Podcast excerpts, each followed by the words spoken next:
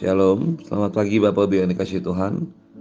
Mari kita kembali merenungkan firman Tuhan yang pagi ini diambil dari Yohanes pasal 15 Ayat 18 sampai dengan 27 Yohanes pasal 15 ayat 18 sampai dengan 27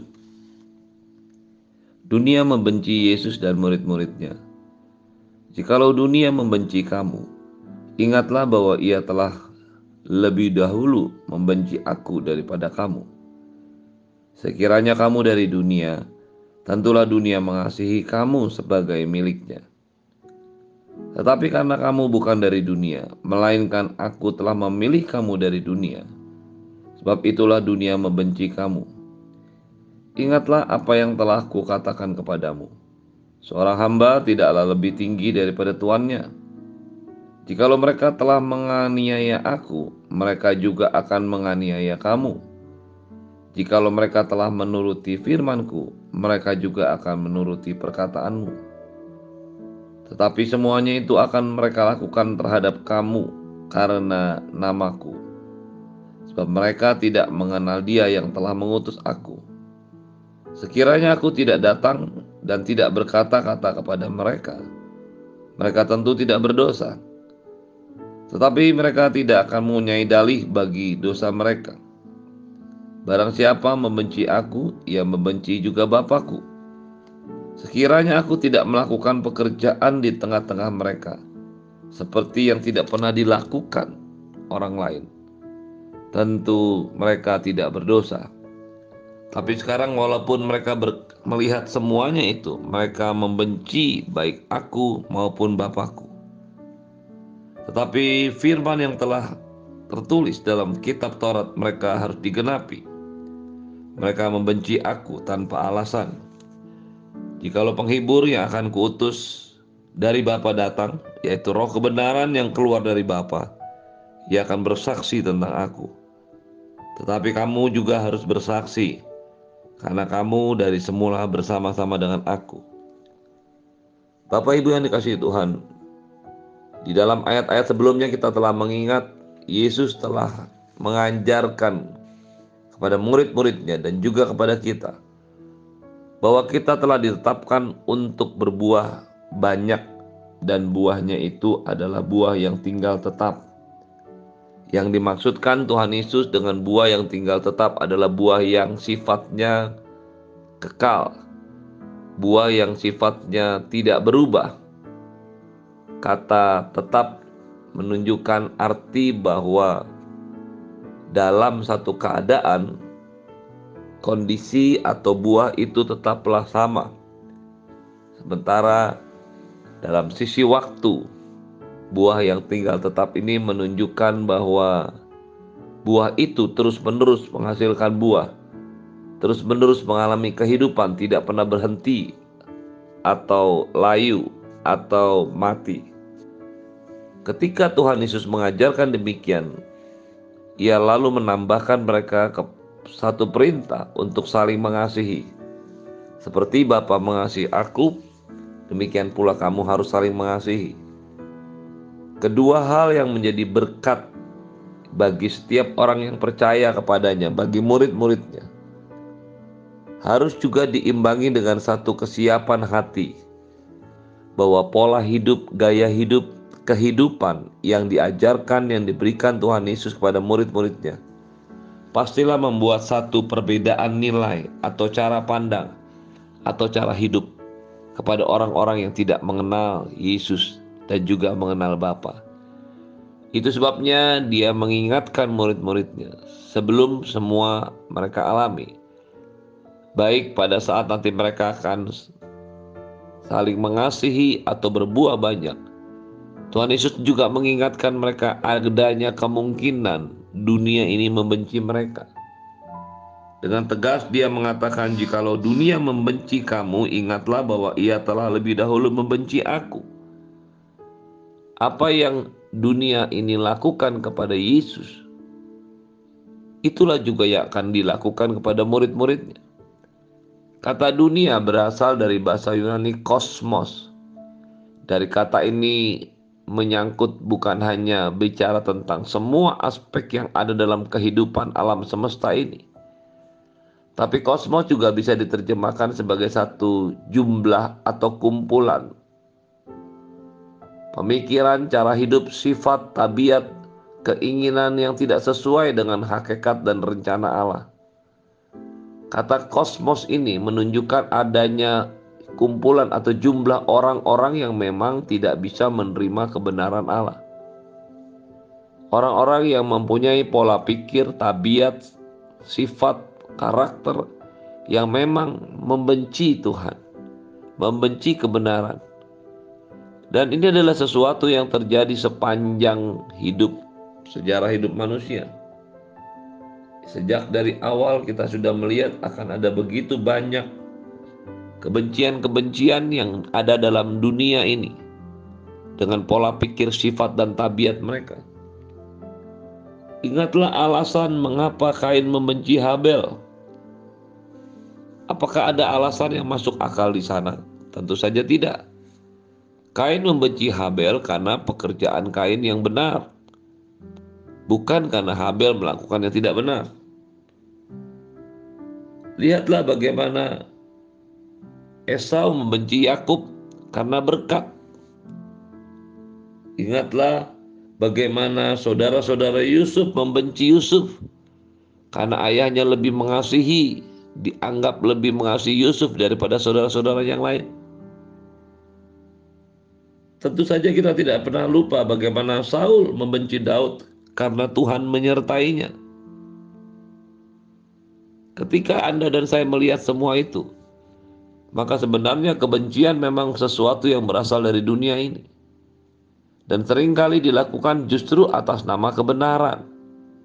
Maksudnya, ketika seseorang melakukan kebenaran, tidaklah tertutup kemungkinan bagi seseorang yang melakukan kebenaran itu untuk dibenci oleh orang-orang yang tidak mengerti bahkan untuk orang-orang yang tanpa punya alasan untuk membenci mereka.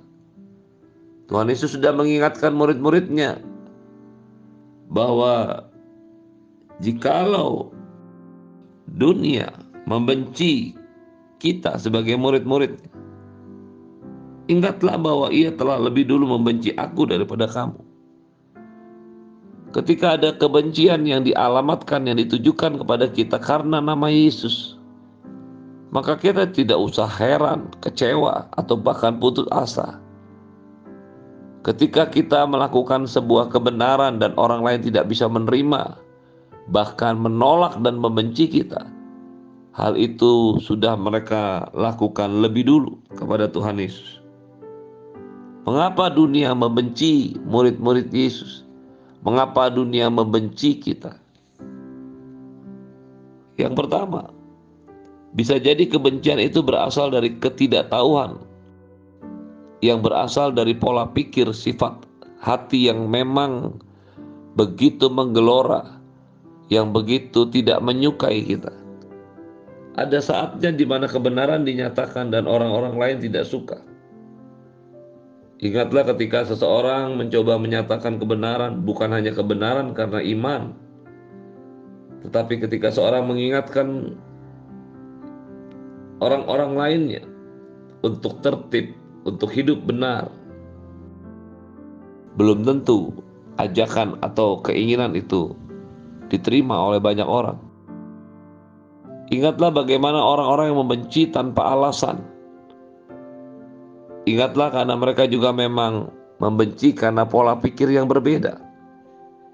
Ketika Tuhan Yesus mengingatkan murid-muridnya bahwa dunia sudah membenci dulu dia, maka ini menjadi satu kekuatan bagi Anda dan saya untuk bertahan, untuk tetap memiliki iman, kasih yang tenang, yang tidak pernah berubah. Ketika Tuhan Yesus mengingatkan ini, maka ini menjadi satu keseimbangan hak dan kewajiban sebagai sahabatnya. Ketika ia mengatakan murid-muridnya, kita semua adalah sahabatnya. Karena kita tahu apa yang diperbuat Yesus dan kita mengerti dan menerima apa yang dikerjakannya. Itu menjadi satu sumber berkat bagi hidup Anda dan saya. Tetapi di sisi yang lain, kebenaran,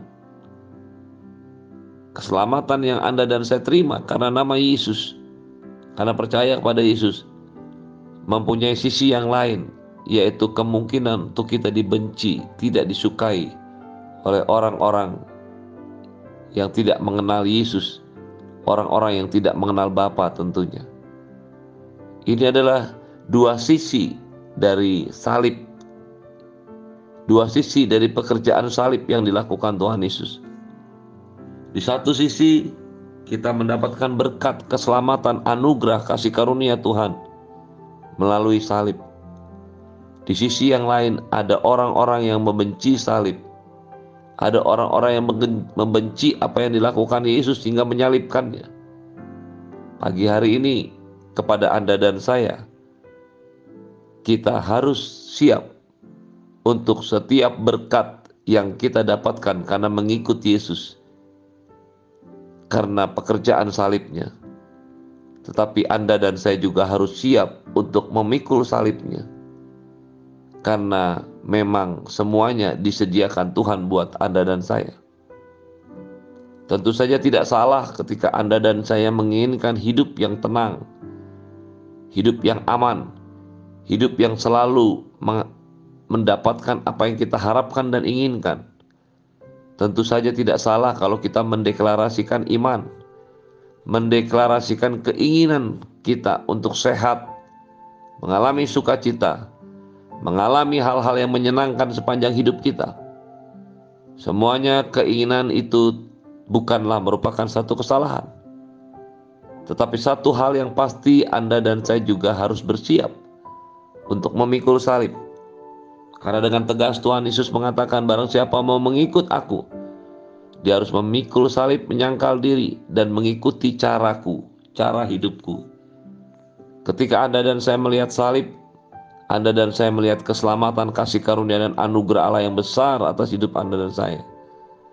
Tetapi ketika Anda dan saya memandang salib, kita juga harus mengingat bahwa kita harus memikulnya setiap hari untuk mengalami sukacita bersama-sama dengan Tuhan.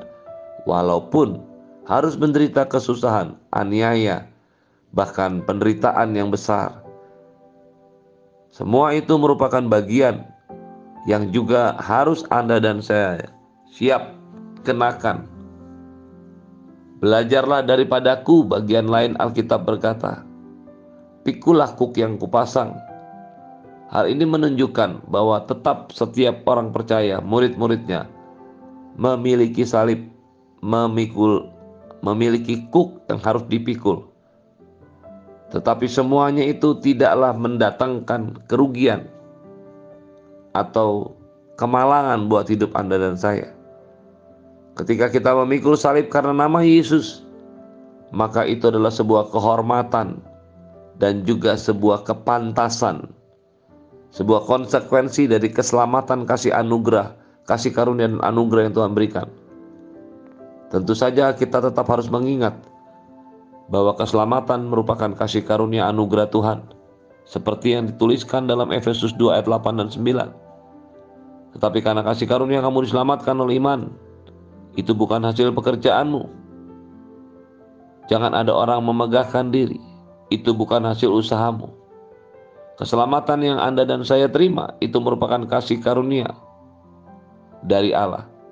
Kita tidak bisa menyelamatkan diri kita sendiri melalui usaha kita tetapi setelah menerima keselamatan, satu sisi dari salib, karya salib Yesus, maka satu sisi lainnya dari karya salib Yesus adalah membawa Anda dan saya untuk terus memikul salib.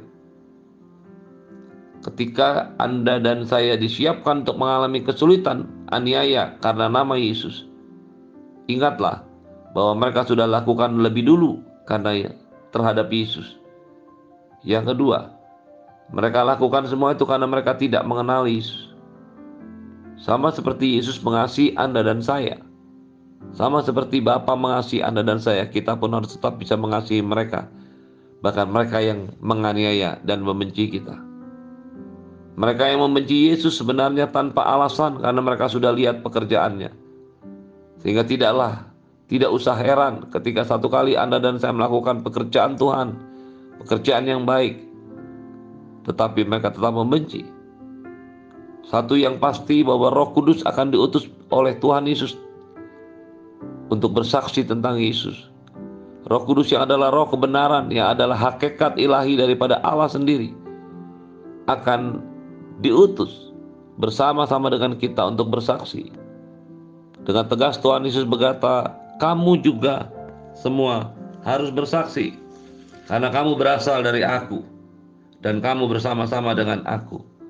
Setiap orang percaya, setiap orang Kristen, setiap sahabatnya, setiap orang yang mengaku murid-muridnya haruslah orang-orang yang bersaksi. Dunia ini membutuhkan kesaksian kita. Dunia ini membutuhkan orang-orang yang menyampaikan bahwa Allah mengasihi mereka.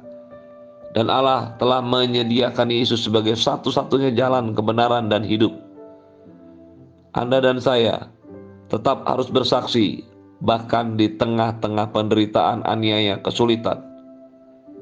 Ketika Anda dan saya memutuskan ini, terus bersaksi, maka Anda dan saya adalah murid-muridnya yang terus berbuah tetap. Inilah yang dimaksudkan Tuhan Yesus, buahmu itu tinggal tetap.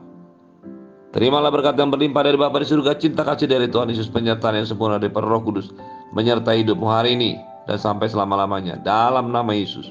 Semua yang percaya katakan, amin.